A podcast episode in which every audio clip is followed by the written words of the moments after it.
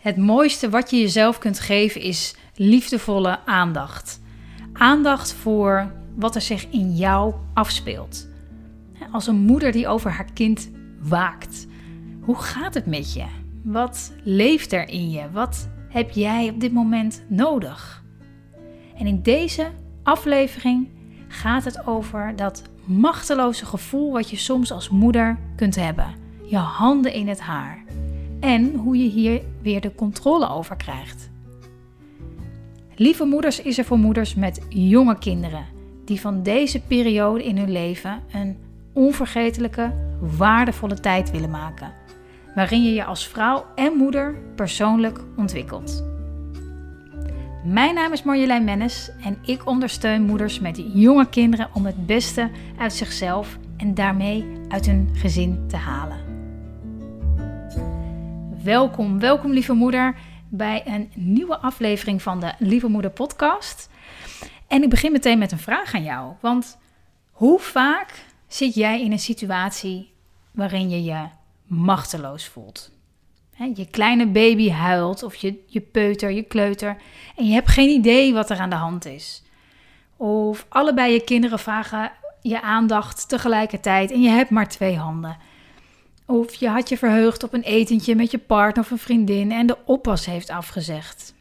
En ik weet heel zeker dat jij dit lijstje nog heel veel langer kunt maken.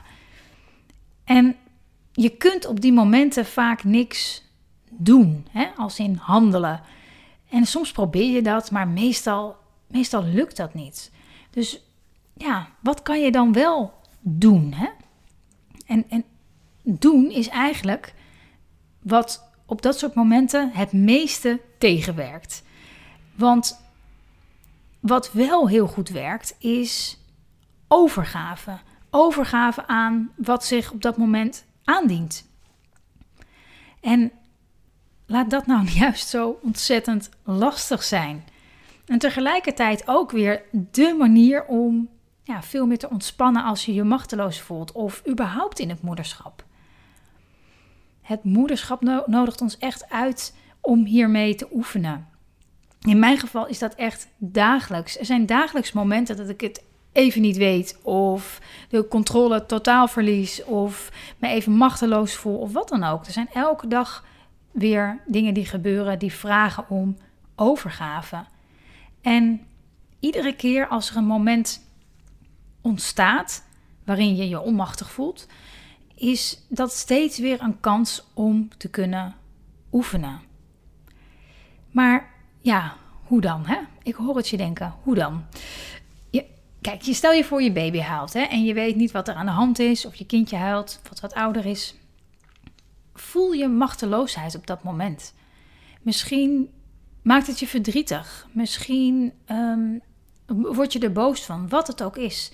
Maar je kan dat ook delen met je kind op dat moment. Je kunt ook delen met je kind door te zeggen dat je het even niet weet. Ik weet het ook even niet. Ik weet niet wat ik je kan geven. Ik weet niet wat je nodig hebt.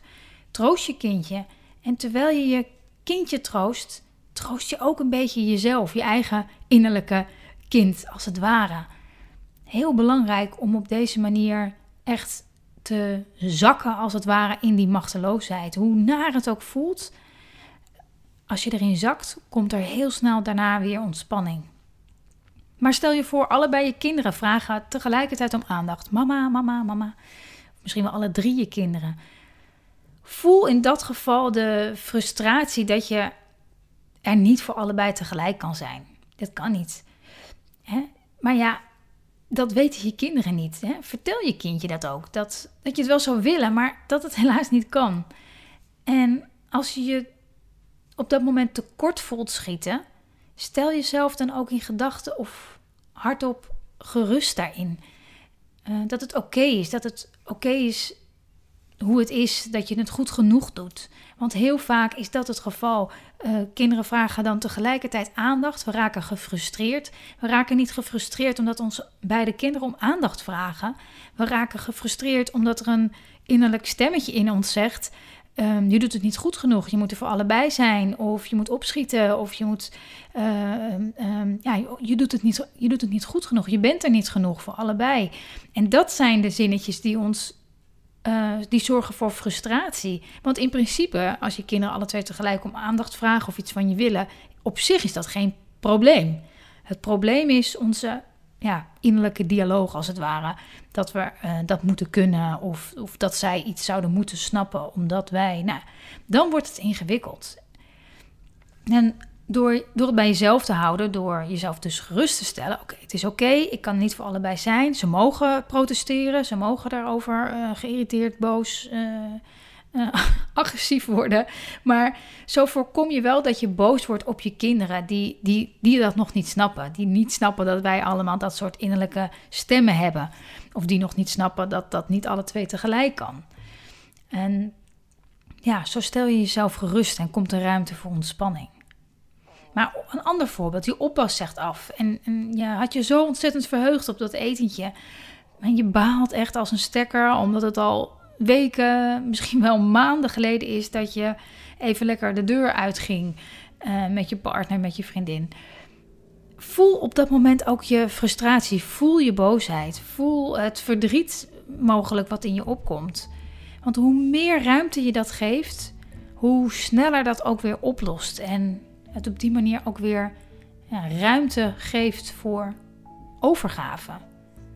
En ja, het moeilijke aan jezelf overgeven aan dit soort situaties, is dat we zo het liefst zo snel mogelijk van dat soort akelige gevoelens als, machteloosheid of boosheid, verdriet, we willen daarvan af, zo snel mogelijk. We, weg ermee. Hè? Eh, en, en het is ook logisch. Alleen hierdoor raak je in een, in een strijd terecht die je, die je verliest. Hè? En, en een innerlijke strijd bedoel ik dan. En soms ook een strijd met onze kinderen of je partner. Hè? En dit is eigenlijk een gevecht tegen dat wat er al is. De situatie is er al, maar we willen het weg hebben. Maar ja, dat kan niet, want het is er al. En dat kost echt bakken met energie. Maar door jezelf gerust te stellen, in welk gevoel dan ook, we hebben het nu over machteloosheid, door jezelf daarin gerust te stellen, jezelf mentaal in te fluisteren dat het oké is om je zo te voelen, hoe verdrietig, bang of boos je ook bent, dat het oké is, dan, dat is overgave. Dan oefen je met jezelf overgeven. Probeer het maar eens uit. Gewoon de eerstvolgende keer dat je even met je handen in het haar zit, je machteloos voelt, stel jezelf gerust. Dat het oké is dat het zo is. En, en kijk dan eens, kijk dan maar eens hoeveel lichter jij je op dat moment voelt.